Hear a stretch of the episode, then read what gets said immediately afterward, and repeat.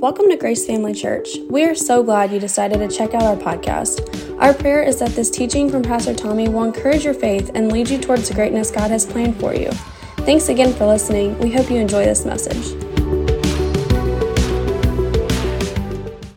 Romans chapter 3 and verse 19 says, Repent therefore and be converted, that your sins may be blotted out, so that times of refreshing may come from the presence of the Lord. Let's pray. Father, thank you so much for your word. Thank you so much for just showing up today and blessing us with your presence and blessing us through others with your presence. And I thank you for all the good you're going to do through uh, the outreach and the effort we put forth with this Operation Christmas Child. I thank you, Father, for all the things you've done.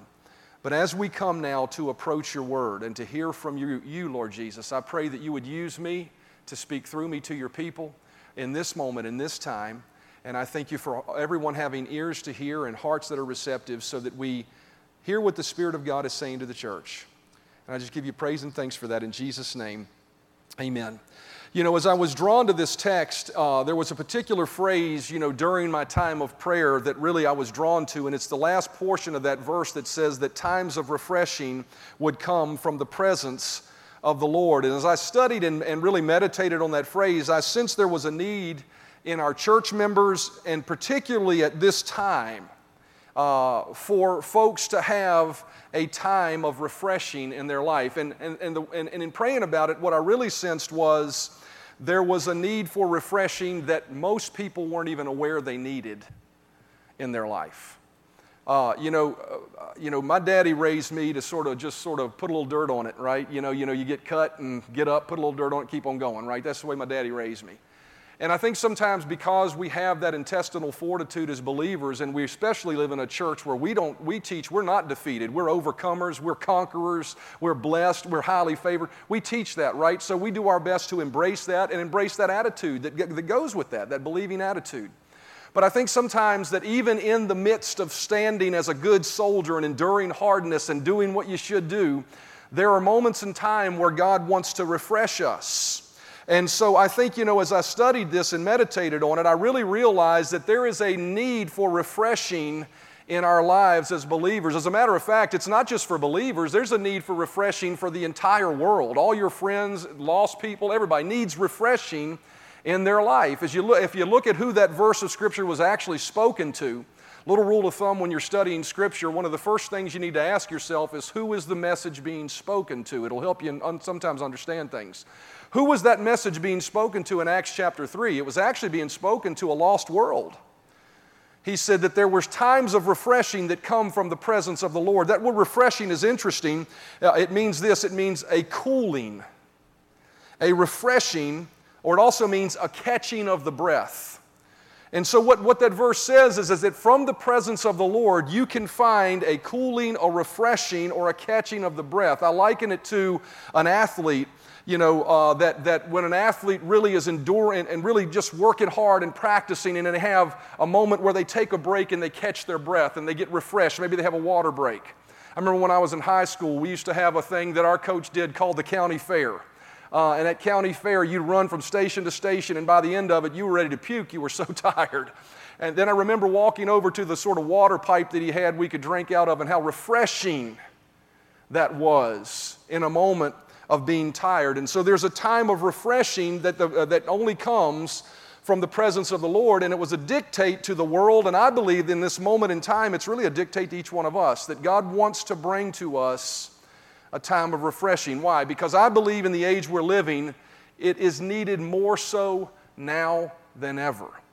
You know, as I look back over the last three years and some of the studying I was doing, here's one of the things that I found was is that anxiety and depression has risen in the last three years to epidemic proportions. Anxiety in 2000 was about uh, uh, uh, 7.4% of the population. That's the entire population of the U.S. admitted to having bouts with depression or anxiety and fear. Today, that number has risen to 28 to 37%, depending on the respondent. So that means one out of every three people are struggling with depression or fear over something. Not only that, uh, but uh, you know, where does all that come from? Where, where does all this anxiety come from? Well, I can tell you where it comes from according to the scripture. 2 Timothy chapter 3 and verse 1 says, But mark this, there will be terrible times in the last days. What the scripture says is the closer we approach uh, the return of Jesus, the more and more that things are going to get worse. That doesn't mean in our lives it's going to need to get worse, but it certainly means that things are going to get worse. And, and if you think about it for a minute, uh, it's, not, it's not hard for us to recognize that around us. It's not hard to recognize the, the perilous things that can cause anxiety or worry or fret or concern in our lives. How many of you realize a lot of talk about the economy and the raising prices and possible recession? And how many of you realize no matter how much we may want to resist that as a good soldier and continue to speak the word, just the awareness of that can bring about stress? Not only that, but the increasing occurrence of epidemics and tragedy around the world. It used to be you'd have an epidemic of every hundred years. Now it seems like, you know, we're getting warned of stuff all the time. It's constantly beating on us. The overflow of media inform- information that's constantly in our face, wars and rumors of wars. Then not only we have that happening in the world around us, but then we have the barrage of it actually happening and affecting our very families. Our families making choices that we wouldn't be uh, uh wish upon anyone based on the culture that surrounds us that's driving them in a certain direction. Lifestyles being embraced based on a culture of acceptance, sickness and physical attack taking place for some because of the fear and dread over sicknesses that are rampant, financial difficulties that people go through. And then there's the added concerns we see as Christians. The redefining, if you look across our society, the redefining of morality and what is right. How many of you realize we recognize that as believers and it's, it's vexing to you when you see it? Not only that, the onslaught of our Christian values and the change of our culture, our very culture, to one that was a Judeo Christian value to now that it's just a culture of acceptance and do whatever you want to do. We see that happening as believers. And I can tell you this, and I can promise you this from Scripture. We can pray and we can stand and we can believe for God to reach people in the midst of that, but what Jesus has told us and, par- and what Paul told Timothy, and, perilous t- and the end times, perilous times are going to come. It's going to get worse.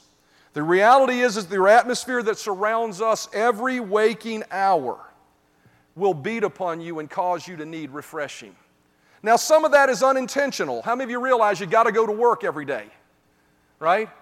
Well, if, you, if, you're, if you're independently wealthy you don't have to go to work every day, God bless your darling heart. Amen? But how many of you realize you got to live in the world around you? The reality is, is unintentionally. I'm not saying we're maybe focused on these necessarily, but you got to go to work every day, and in going to work every day, you have to face those things that beat upon us. And no matter how much we come to church on a Sunday morning, rejoice and get happy and hear the word, we still have that erosion that tries to take place upon you as a believer. Not only that, it's difficult to not live in the world and not see all that stuff and hear all that stuff. I got to tell you, for me, I, I don't even hardly listen to the news anymore because it's just not good. Now, I will tell you this for some of us, it's unintentional, but for some of us, whether we realize it or not, we're allowing that erosion to take place intentionally in our lives by the choices we make. We become purveyors of social media where there's no filter on what our eyes behold. Sit and scroll for hours upon end, looking at things, and as they roll across your eyes, you see them whether you flip by them quickly or not. It flashes and it has an impact upon you. Some of us have become consumers of 24 hour news stations because of our political stance, and we become people that embrace the gospel of Trump or the, uh, or the political doctrine of acceptance. And we get angry and mad at what's going on in our culture, and it beats upon us and wears upon us. But you know, Jesus didn't come to establish a political agenda. He didn't come to make a, a statement about a political leader that we should be fighting for and declaring everybody else evil about if they don't believe in him. He didn't come to declare the gospel of Donald Trump or, or Barack Obama or Joe Biden. He came to declare his gospel, and his gospel was come to me, and I have the answers. All of these things beat upon us to the point that we probably don't even realize the impact it's actually having upon us spiritually, mentally, and physically. We are marinating in a culture, whether we believe it or not. How many of you know what it means to marinate a steak? How many of you realize that you can go buy, how many of you are hungry? Let me, let me whet you up. How many of you like a good steak? Good, juicy steak. Just, I don't know about you, but I'm a medium rare guy. Just red enough that when you poke it, a little bit of blood comes out. Ooh, that sounds so good. Hey, McKinley, we might be going to get a steak after church tonight. But how many of you realize you could take that really good steak? Say you go to the fresh market or somewhere, you know, some, some place that maybe the steak's a little more expensive, a little bit nicer than where you normally get it, right? You take it home, and how many of you realize if you put it and you marinate it in muddy water, don't matter how good that steak is, it's still going to take on the flavor of what you marinated it in. Whether we realize it or not as believers, we are marinating in the culture around us by the sheer force of the fact that we have to live in it.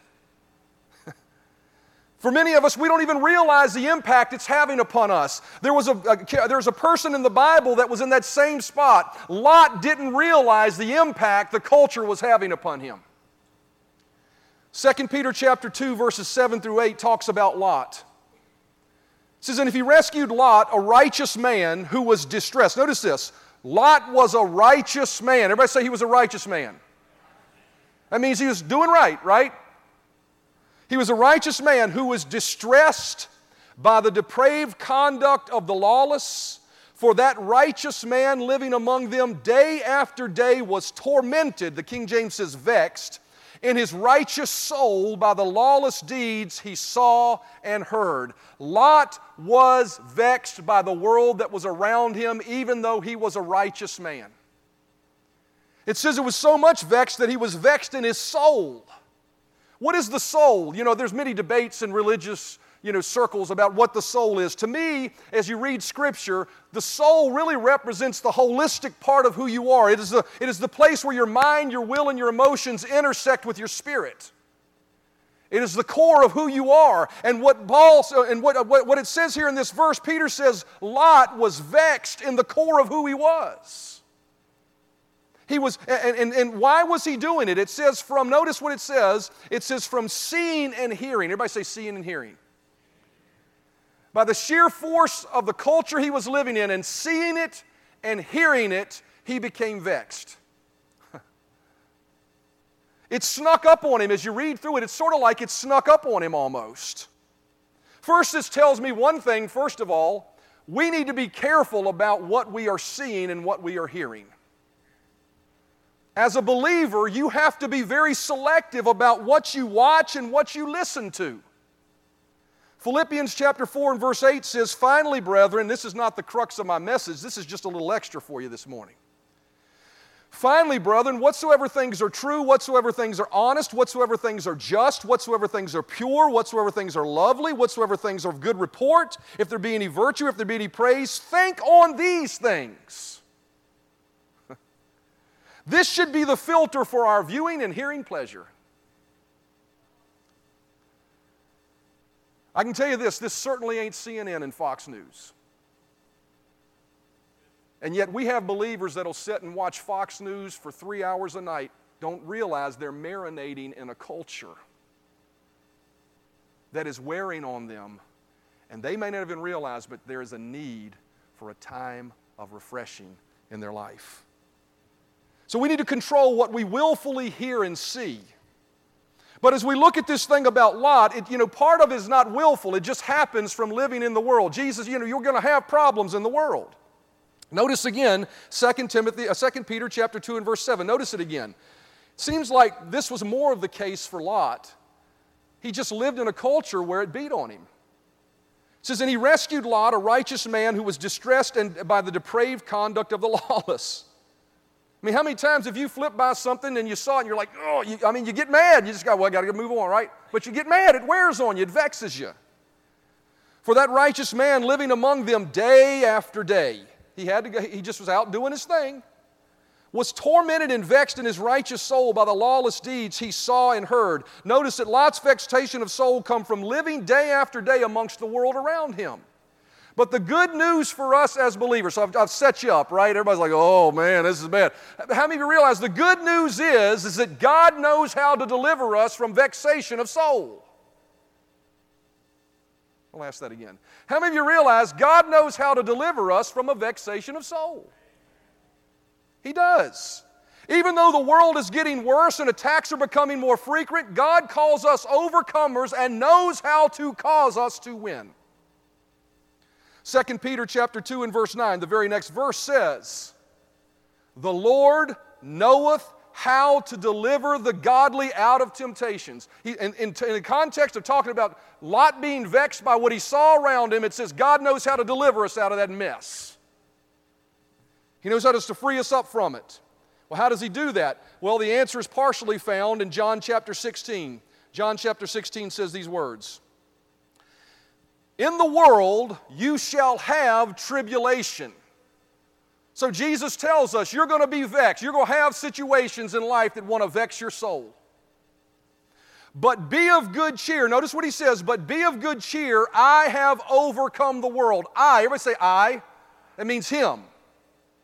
What he's saying there is basically this you're going to have problems, but one of the things you rec- need to recognize is that I have overcome the world. I have the ability to overcome those vexations. So, first of all, overcoming the distress of soul and the wear of tear that, bear, that really wears us down, that we don't even realize many times how much it's wearing us down. It says, In Him, there's an answer for that. Everybody say, In Him. Matthew chapter 11, verse 28, Jesus said, Come to me all you that labor and are heavy laden, and I will give you rest. See, what that verse tells me is that He's the one to give us the refreshing we need. Our refreshing and our answer to our refreshing comes from Him. There is a, uh, I got this in bold letters, so I want to read it and get it right.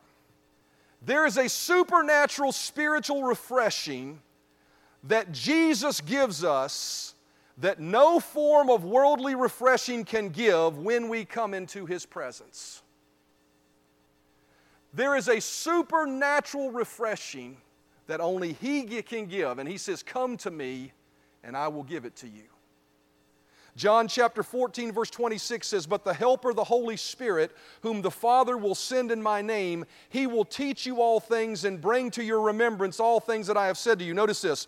Right after talking about, I will give you the Holy Spirit, he says, Peace I leave with you. My peace I give to you. Not as the world gives, do I give to you. Let not your hearts be troubled, neither let it be afraid. There's that hearts being troubled, vexed, fear, right?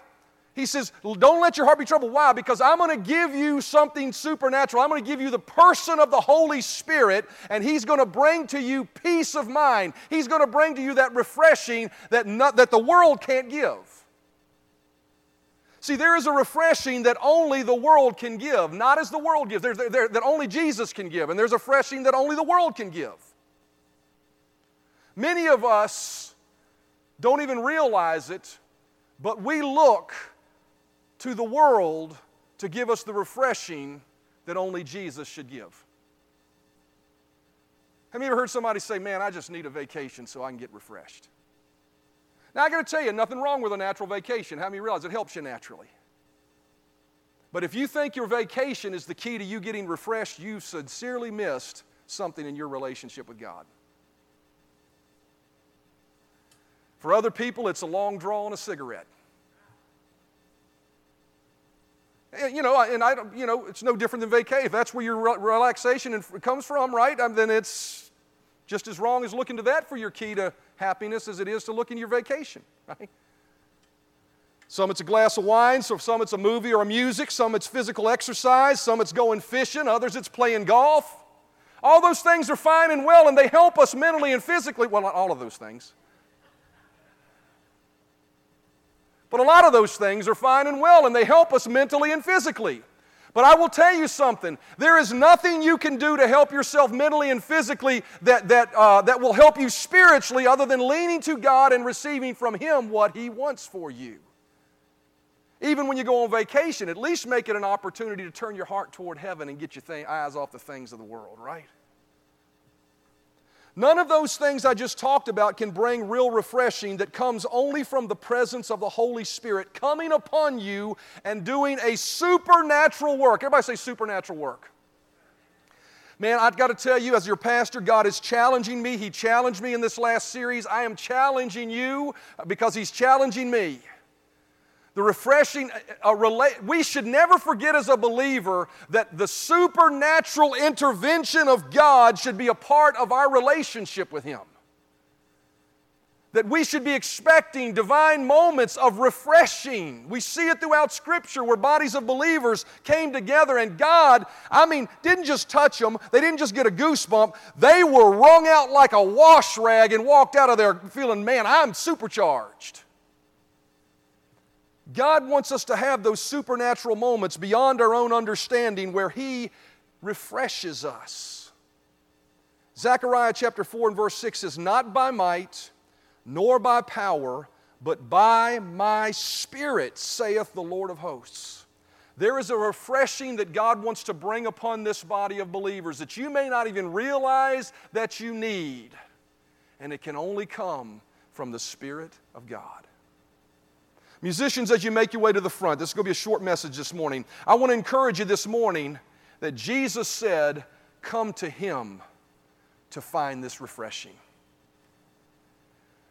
Matthew chapter 11 says, Come to me, all you who labor and are heavy laden, and I will give you rest. Now it's interesting because what Jesus says there is He says, You come to me. Everybody say, Come to me. That is a willful choice to proceed towards Him. The call to come on him is very similar to what Peter declared there in our opening text in Acts chapter 3 and verse 19. He says, Repent therefore and be converted. That word repent is an interesting word. It means to turn away from. See, a lot of people think of repent as stop sinning. And in essence, if you stop sinning, you are, if you make a choice to stop sinning, you are making a choice to repent. But really, what repentance means is, is, is just making a about face. See, we go to work every day and we're facing the world. We go and live in the world every day and we're facing it, right? We, we maybe we're, we're watch the news because we want to know what's going on and be up to speed and we're watching it and we see it, right? We're facing it. But there need to be moments in time where we turn away and we turn our face toward Him, where we repent. Where we make a purposeful, willful choice to turn away from our normal course of direction and head toward His presence. Will we turn from sin if necessary? Will we turn from our day to day focus? Will we make a choice to marinate in something else? Will we make a choice to say, I'm going to get out of this, I'm going to get into this? Now, we can do that personally in our everyday lives through a devotional time with the Lord. But there are also times where we, as body of believers, should come together and marinate in His presence. We see it throughout Scripture where we need to come into His presence with the sole focus of, I am putting the world behind me and I am coming in to worship Him. To experience a purposeful and willful time of repenting and turning away from the daily culture in which we live. Not so that because we've embraced it, but just because we lived in it to focus our attention upon Him in praise and worship and adoration, and to express a powerful corporate anointing that refreshes us. See, in Acts chapter 4 and verse 23, 24, and 31, we see the early church doing this. It says, In being let go, they went to their own company. Look around you and just recognize this is your company. This is your company. This is the place to which God has called you if you call this your home. What a beautiful company it is. But this is your group, this is your clan, this is your people. It may not be a, a church of 2,000 or 5,000 yet. But this is where you're called. And it says they went to their own company and lifted their voice to God with one accord and said, Lord, you are God. You have made heaven and earth and the sea and all that in them is. And when they had prayed, the place was shaken where they were assembled together, and they were all filled with the Holy Ghost. There was a refreshing that took place. There was a move of the Spirit of God. There was a divine moment that you would be able to look back on and say, I remember when that happened, when God wrung me out. I remember when God refreshed me. And so I can tell you the reason we're establishing these worship nights. We'll have one in November, we'll have one in December, and we'll have one every month thereafter, once a month, every, every Wednesday night to start. The reason we're having these worship nights is because we need a, a time when we come together specifically to worship. This is not a service where it's like, well, that's for the worshipers, that's not for me. Hogwash. All of us need refreshing. All of us need corporate anointing. All of us need to have the Holy Spirit poured us out upon us in a corporate manner. So, starting Wednesday the 16th and every month thereafter, the Lord's instructed me to, and all of us to have a corporate time of worship where we repent, where we, and I'm not, when I say repent, I'm, once again, don't put a negative connotation, where we turn away from the world around us and we press into His presence and say, Lord, I am, I am shaking it off and I am coming for refreshing. I'm going to tell you, the first time we do this, you're not going to believe when you walk out of it how much you really needed it. You're not going to, you're not going to even understand it. You'll walk out and be, oh my gosh, I didn't realize. Why? Because it's just eroding on you. It's just eroding on you. The world just beating on you. Life's just beating on you. CNN and Fox are just beating on you. Social media just beating on you. Bills just beating on you. Physical uh, problems sometimes that crop up that we're overcoming, beating on you. So this is not, I will tell you this, is if you're a believer here, I mean, I understand you got to work, you got to take things, but if, if, if you can rearrange your schedule, this should not be an optional potpourri. Maybe I'll take it, maybe I won't. You, we should come to, I'm telling you, the Lord wants to do something in our midst with these services. It's to be a staple for our. I really believe God's leading us to do this. This is a necessary part of your spiritual equipping. Really believe it. You should take coming to these as seriously as you do eating every day. Some people would say, well, how's that any different than what you do on Sunday morning? Let me tell you why it's different. You know, there's a plan and there's a purpose by the Spirit of God for every service. Sunday morning, we do worship. But it, the intent of Sunday morning, if anybody wants to know, the intent of Sunday morning when we worship is to prepare our hearts to receive the Word of God to prepare our hearts to be taught by God and to create an atmosphere where if someone is lost and hurting, we actually can make a call and it's been conducive for them to accept Christ. But these Wednesday night service will have a different flavor about them. These will be where we're coming in. I ain't going to teach. Spirit of God may speak and we may say something here or there, right? But this is strictly for us to have the worship team lead us to a place in Him where real refreshing takes place. Acts chapter 3 says, Repent therefore and be converted, that your sins may be blotted out and the times of refreshing may come from the presence of the Lord. That word converted, I looked this up last night, didn't even know what it meant. This word converted actually means in the original Greek to turn to the worship of the true God. He says, Repent, turn away from the world you're living in and return to the worship of the true God. Where we leave our problems and we lay down our cares and we don't come in looking for anything other than to lift our hands and adore Him. For the Lord is good and His mercy endureth forever. For you are King over all the universe. For you are Jesus, high and lifted up.